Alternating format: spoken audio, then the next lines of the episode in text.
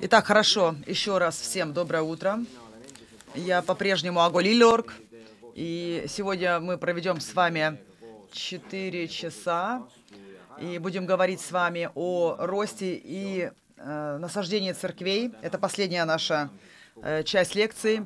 И сегодня мы с вами сосредоточимся на насаждении церкви. В принципе, мы с этого начали, поэтому я тут э, перепрыгну через слайды. Но, тем не менее, как введение, хочу спросить, как у вас вообще все было, как у вас дела, в общем, были, есть? Как у вас все прошло? Быстро, да, все? Как дела, в общем? Быстро все бежит, время бежит.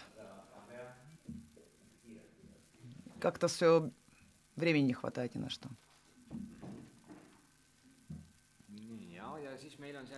И кто там у нас онлайн? И я так понимаю, что у вас настолько времени нет, что вы теперь онлайн, да? Хорошо, доброе утро всем. Постараюсь. Так, вижу, Сойле машет. Ага, Рафаэль, Анита.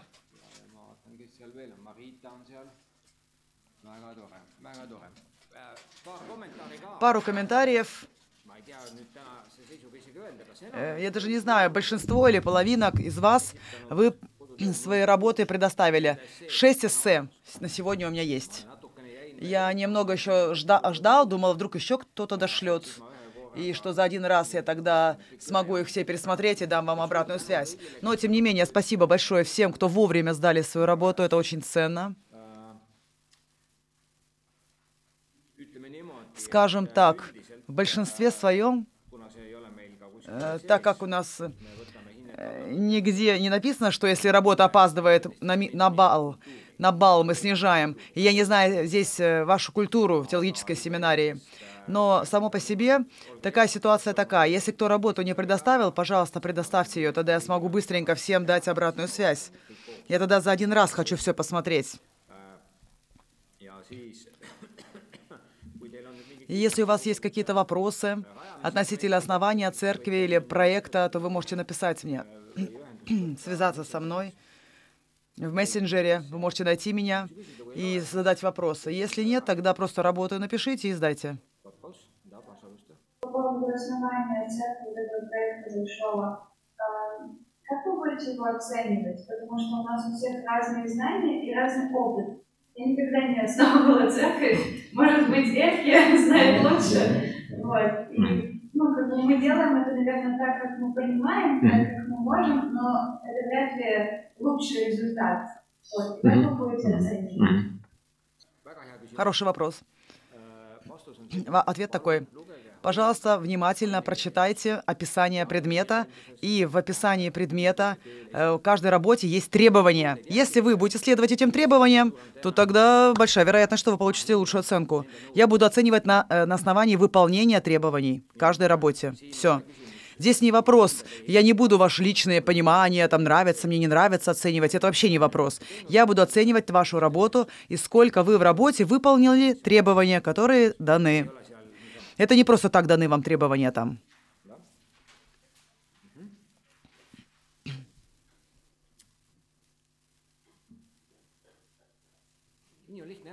Так проще жить. Ничего не надо выдумывать. Все написано, смотришь, заблюдаешь, все готово. Я сам препод... был учи... университетом, и в Тарском университете учусь сейчас. У меня хоть и все предметы сданы, и работы уже написаны, но я знаю, порой Особенно, когда жизнь быстрая, когда столько всего одновременно, то последнее, что ты читаешь, это описание предмета. Что там вообще требуется-то? Я, ну, порядочные студенты, наверное, все читают тщательно, но, тем не менее, хочу сделать ударение, что обратите внимание, посмотрите, и тогда будет все гораздо проще. Хорошо.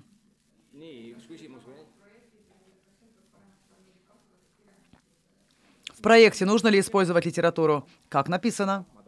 Я бы хотела бы, что некоторые ссылки у вас были. Тогда я смогу понять, что вы использовали что-то, что вы материал какой-то прорабатывали. Я не классифицировал, какие вы можете использовать книги или источники, поэтому это ваше решение. Что мне интересно? Меня интересует увидеть, что вы в этой сфере немножечко э, вели себя в курс дела, Я такой преподаватель, который понимает, что у вас 10 э, еще предметов других, которые нужно сделать. Я не предполагаю, что мой предмет единственный, который вы тут изучаете. Поэтому, естественно, я понимаю, что вы не можете углубиться в каждую сферу тут и в каждую тему глубоко. Но, тем не менее, я хочу, чтобы вы хотя бы там немножко поверхностно, с поверхности немножечко углубились и э, рассмотрели эту тему. Также аналитическую сторону, э, она тоже важна. Как вы э, относитесь к теме, как вы, как вы смотри, см, можете рассматривать из-под разных углов, плюсы, минусы. Поэтому это все в пользу, на пользу. Хорошо. Итак, что еще могу сказать? Э, в принципе, все сдавали мои, мой предмет. Те, кто работы предоставляли, все проходили, все. Поэтому, если совсем плохо, конечно, плохая работа не будет, но еще ни разу не было до сегодняшнего дня, чтобы кто-то завалил.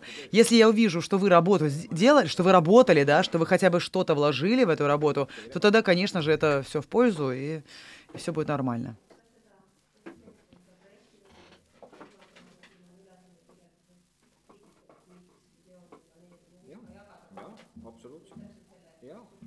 То есть э, структура, которая дана, вы тоже можете ее использовать.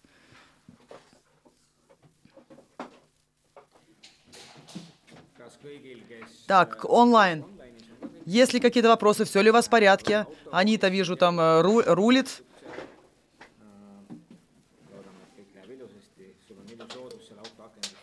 У тебя красивая природа, мы видим за окнами. Очень, очень классно. Так, хорошо. Э,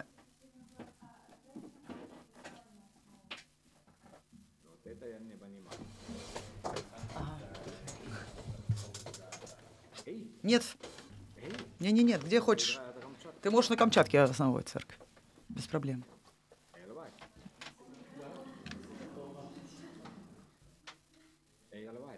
Разницы нет.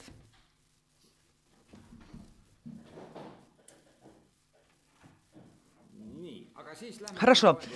Давайте тогда пойдем к лекции. И сегодня у нас времени до 12.45, у нас есть некоторые паузы. Кто бы мог у нас быть тот, кто будет говорить, когда пауза? Кто будет давать нам сигнал? 45 минут лекция и 15 минут пауза. Хорошо, в 45 минут пауза. Окей. Даже знать. Отлично. Тогда я, я тоже понял ритм, буду тоже стараться следить. Что-то столько всего происходило. Вчера пришел, приехал из Германии, столько всего навалилось, и теперь с утра сразу сюда. Поэтому так, э, спасибо большое, если вы мне поможете хотя бы вот такой маленькой вещью. Я... Можешь э, там махать мне или символично выйти с класса, я пойму тогда. Я очень рад вас видеть, на самом деле, очень рад. И надеюсь, что обучение у вас здесь в семинарии все будет хорошо, вы закончите свой учебный год успешно, и следующий год начнете учебу, и, и все будет хорошо. И что вы не просто здесь были, да, а учились, чтобы вы обучились новым вещам каким-то. Хорошо. А, так об этом говорили, говорили, говорили. Пробежим, посмотрим, докуда мы дошли.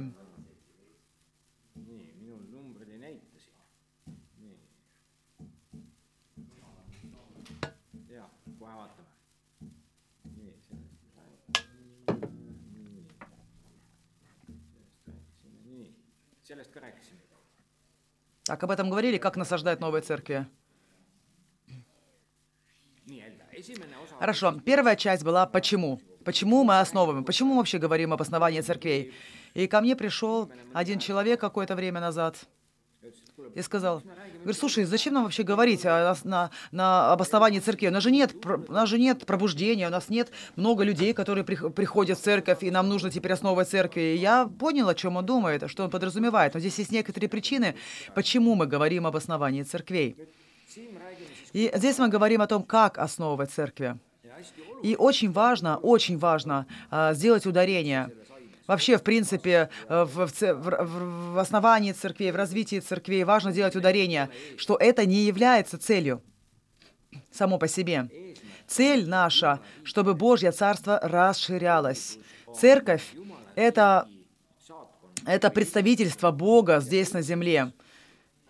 И мы не просто основываем церкви, э, мы не строим себе здесь какое-то имя. Вот здесь я основал церковь, и там основал церковь. На самом деле мы действуем, и мы основываем Божью вещь. Мы представляем Бога, мы расширяем Божье Царство.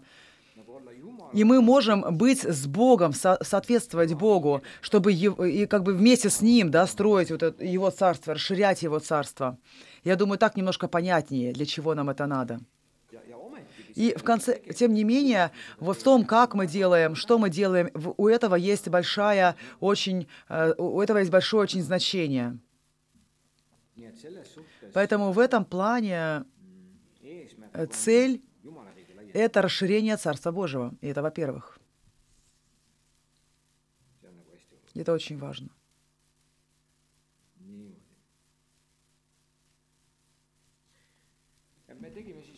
И в прошлый раз мы с вами также немножко рисовали.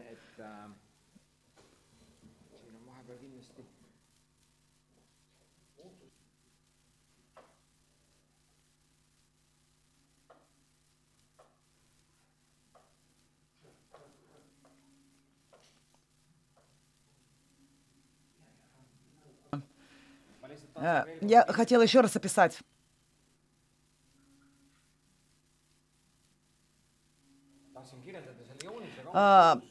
Хотел а, а, объяснить вам, да, немножко рост церкви и э, распространение, расширение церкви. Вот здесь вот у нас разные, они есть большие, маленькие. И когда мы говорим о росте церкви, то мы говорим о так, что одна церковь просто начинает расширяться, она становится больше. И вот эти существующие церкви, они формируют Божье Царство. Вот Божье Царство здесь, допустим. Когда мы говорим об основании церкви, тогда мы говорим, что вот здесь одна церковь, она идет за пределами Царства Божьего, идет на территорию, где нет еще Божьего Царства, и начинает что-то там. И как результат Божье Царство расширяется. Здесь, здесь еще одна церковь появляется, и вот так расширяется Царство Божие. Поэтому основание церквей — это, это расширение Царства Божьего. Когда мы, если мы порассмотрим служение апостола Павла, что он делал? Он расширял Царство Божие. Да, его ре- результат, благодаря работе его возникали церкви. И то, как э, церкви основываются, какие методы используются для этого и так далее, это уже отдельный вопрос. Об этом мы тоже поговорим. Но концептуально это выглядит вот так. И очень важно понимать, как это все выглядит.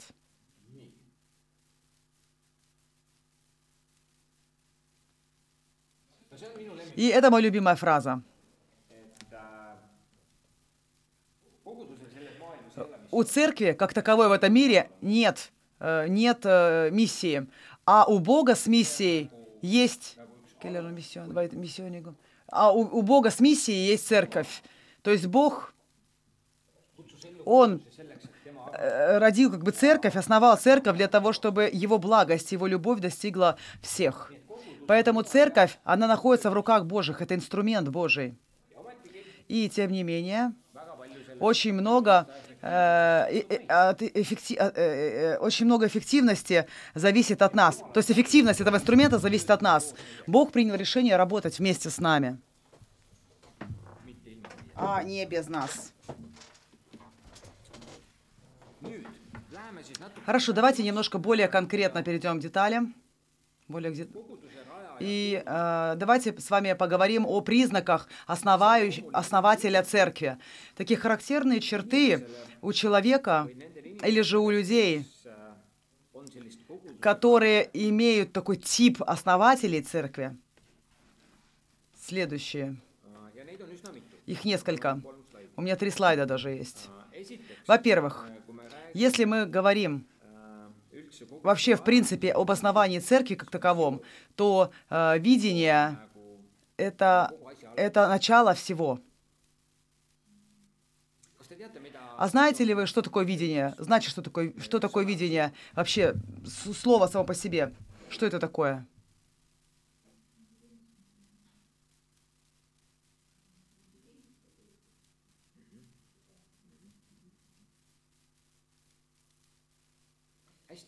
Очень все просто на самом деле. Все очень просто. На самом деле это слово э, латинское, из латинского языка. И на латинском языке есть такое слово «висион». И это значит «я вижу». Второе слово, еще чтобы лучше вы запомнили, это аудио. Это то, что я слышу. На «о» äh, слова это «я», форма «я». Первая форма, да? Это чисто как экскурс вам, латинский. Аго это агере. Это «я делаю». Я не знаю, изучаете ли вы латинский? Латынь? Нет? А я год, год изучал. Э, Год греческий, год латынь, го- год, год вот еще что-то. То есть что-то я понимаю. Но это просто чисто так вот, чтобы вы понимали. Висио, визион. Человек, который видит. То есть видит что-то, чего еще нет. Здесь может быть церковь, или там может быть церковь. И в этом плане у кого-то должно быть видение. То есть он, этот человек видит какие-то возможности, он видит какие-то результаты, которые можно ожидать.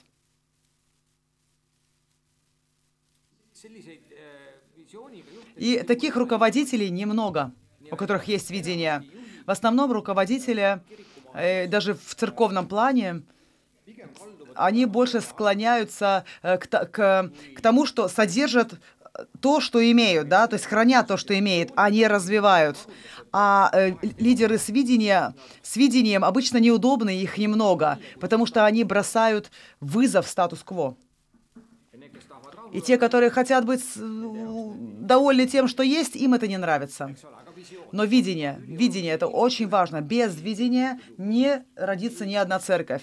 Никто нигде не, осно, не, осно, не, не откроет церковь. Иногда я гуляю по городу в чужом месте, даже в Таллине. Иногда я рассматриваю старую церковь и думаю, где-то был какой-то человек, кто-то принял решение, вот что здесь должна быть основана церковь, или построить нужно церковь. Они же просто так не рождаются, они просто так не строятся, эти церкви. И это очень интересно. Иногда также задуматься о том, что вот эта церковь, которую я посещаю, моя домашняя церковь, ведь кто-то подумал и начал, кому-то пришла первая мысль, что вот там, допустим, в городе, в той деревне могла бы быть церковь. Во-вторых, это люди, которые сами внутреннюю мотивацию имеют, то есть они самомотивированные. И опять-таки это признак руководителя, признак лидера. Он самомотивирован.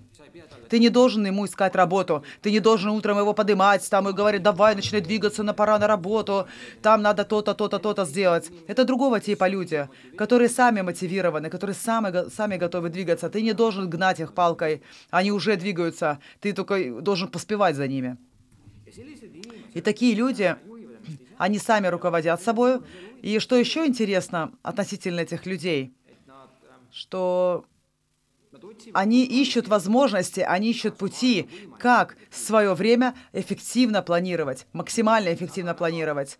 Они рассматривают, э, они, они очень тщательно планируют, расписание делают, расписывают свои дни. Но, в общем-то, главный принцип э, и, свойство у этих людей, что они сами двигаются.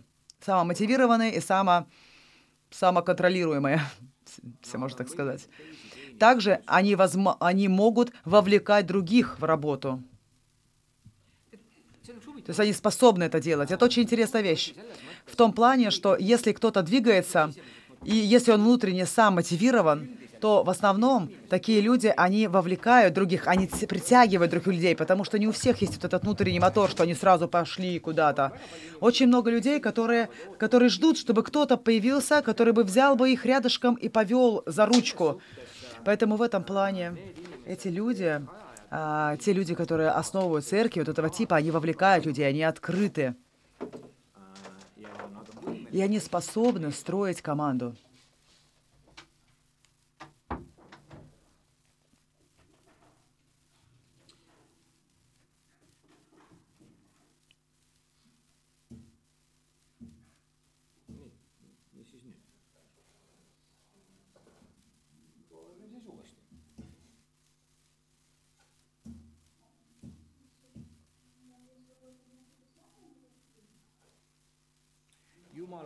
Это Божий призыв.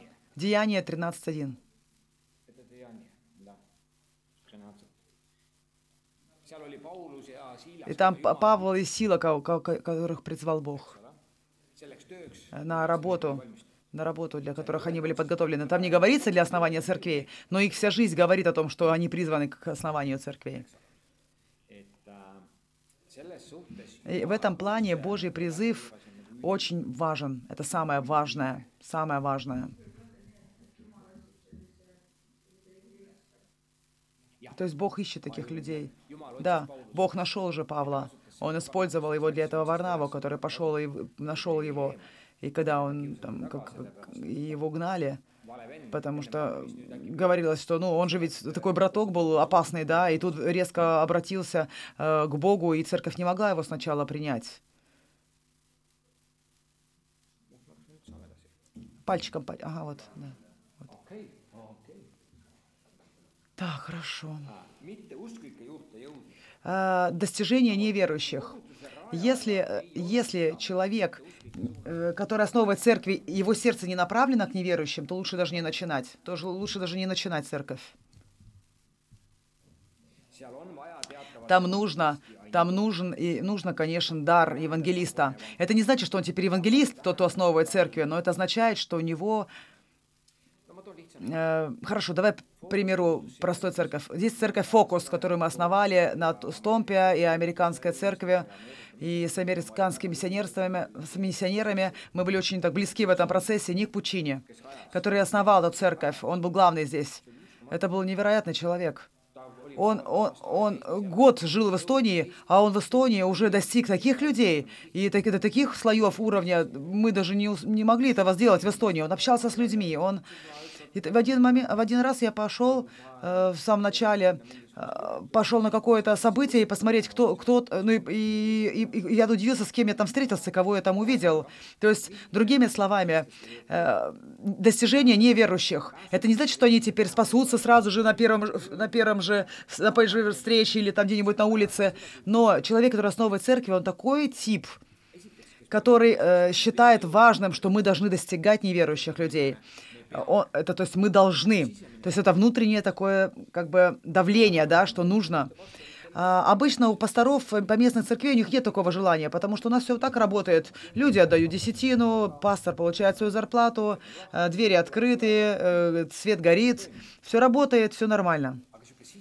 Но вот это внутреннее желание, внутреннее давление, что мы должны достичь неверующих, вот любой ценой, иначе, иначе ничего не получится. Вот это, э, вот это одна из самых важных черт человека, который основывает церкви. У него, конечно, вариантов других нет, но тем не менее. Э, у некоторых людей больше вот этого, вот этого желания достигать неверующих, а у других меньше. Если оно есть, то тогда успех тоже будет. И также, также очень важно при основании церкви э, помощь супруги очень важна, супруга. И вообще, в принципе, духовной работе, если у тебя нет поддержки супруга или супруги, то очень сложно. И что касается основания церкви, этот момент особенно важный. Потому что если у тебя не будет в тылу поддержки, под дома поддержки, то тогда вообще нет смысла идти в бой. Потому что основание церквей — это духовная, духовная война. Это выход на новую территорию, где еще нет Царствия Божия. Поэтому все силы будут сопротивляться. И если дома еще какие-то темы проблемные есть, и, это все еще хуже может усугубиться, и- очень может мешать. Поэтому разрешение или э, э, супруги, американцы, допустим, когда они посылают лю- людей э, на основ- для основания церкви, они делают тест э, супругам и оценивают готовность. А Основатель церкви, и что э, для основательной церкви важно умение общаться, умение общаться, способность наводить мосты, способность заводить знакомства. Поэтому вот такие социальные навыки, потому что а, Потому что на, на чем ты начинаешь основывать церковь? На отношениях в первую очередь. Отношения за пределы, то есть вне, а и в то же самое за, отношения внутри, в команде. Это, в общем-то, отношения дву- двухнаправленные. И основатель церквей, он должен учитывать вот этот момент. Ta ei saa kumbagi jätta kui ta jätab Вопрос можно? Вопрос. Да, да, кто-то кто говорит там. А Может быть так, что у, у пастора нет этих способностей, но эти способности есть у, у команды, у кого-то есть члены команды. Окей. Ага, сейчас.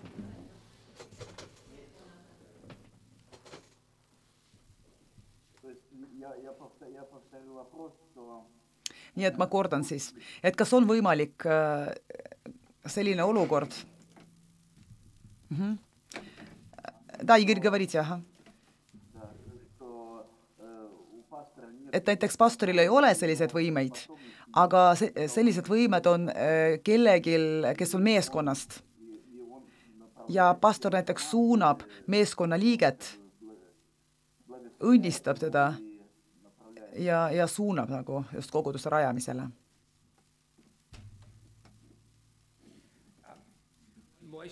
Первый ответ Тогда можно сказать, что этот член церкви, член команды и есть основатель церкви.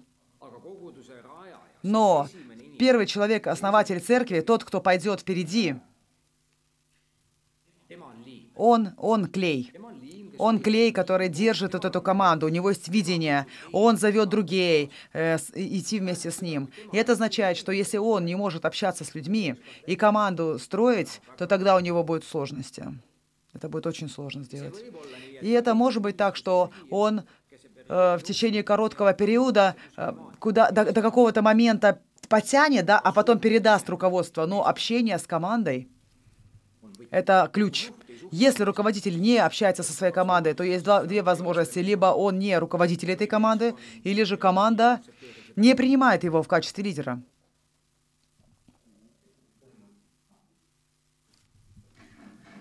Игорь, микрофон, по-моему, да, у вас? Э, Какие... Саяру.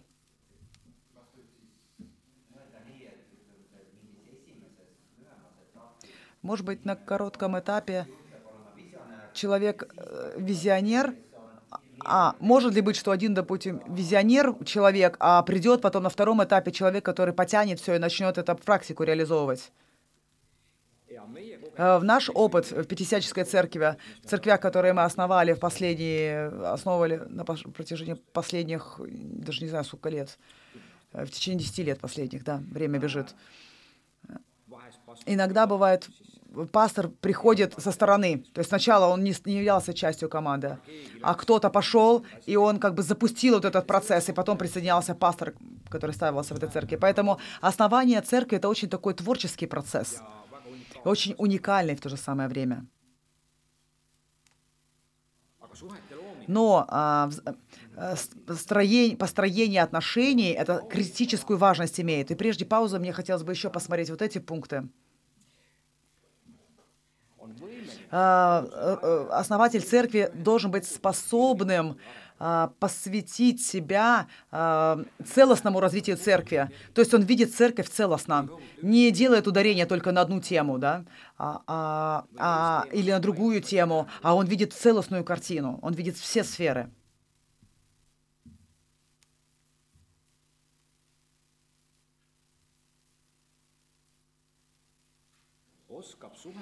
И он умеет э, соотнести церковь с, э, с, с обществом. see rajaja Поэтому основатель, он умеет продавать церковь, продать церковь этому миру, этому обществу. Зачем вам нужно общество, церковь? Чем мы можем быть вам полезными? И он видит, он сам верит в это, он видит это, он знает, он абсолютно такой э, ревностный в этом плане. И у него э, также есть еще и социальный окрас относительно того, что происходит э, в жи- вокруг и в жизнях людей вокруг. То есть он как бы отвечает да, на социальные потребности. Э, Также основатель, он привлекает людей и привлекает дары.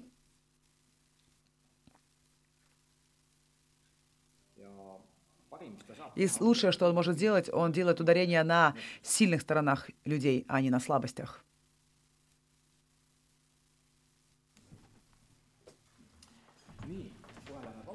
А сейчас пойдем, скоро пойдем на паузу. Основатель, основание церкви э, – это очень гибкий процесс. И это означает, что если основатель церкви не гибкий сам по себе, то он просто будет постоянно сталкиваться с проблемами. И если основатель церкви не готов изменять э, свое мышление или смотреть по-другому, то ему будет очень тяжело. Если одна вещь какая-то не работает, тогда он найдет другой путь, как, как, как будет работать. Точно так же он а, хранит единство а, в церкви, и это очень важно, э, говоря о команде также.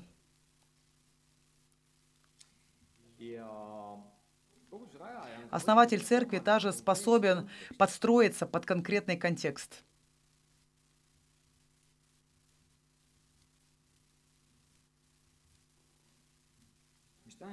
И это означает, что он, он э, чувствует, какой контекст, он чувствует, что может сработать. И, конечно же, он практикует свою веру каждый день. И эти пункты, в- как бы, да, написали вот эти, вот эти авторы, которые даны здесь наверху слайда. И если вам интересно, вы можете изучить. Если вы делаете проект по основанию церквей, если я был бы вами, то, скорее всего, я бы записал этих авторов, поискал немножечко какие-то источники относительно их, и мог бы потом использовать, мог бы на них сослаться в дальнейшем. В интернете, если... А, в эсто- на эстонском языке, если нет. Нет, в эстонском нет у нас ничего. И э, в интернете, в интернете, конечно же, что-то найти можно. Google Books и авторов можете каких-то найти. А, То есть вам нужно немножко поискать.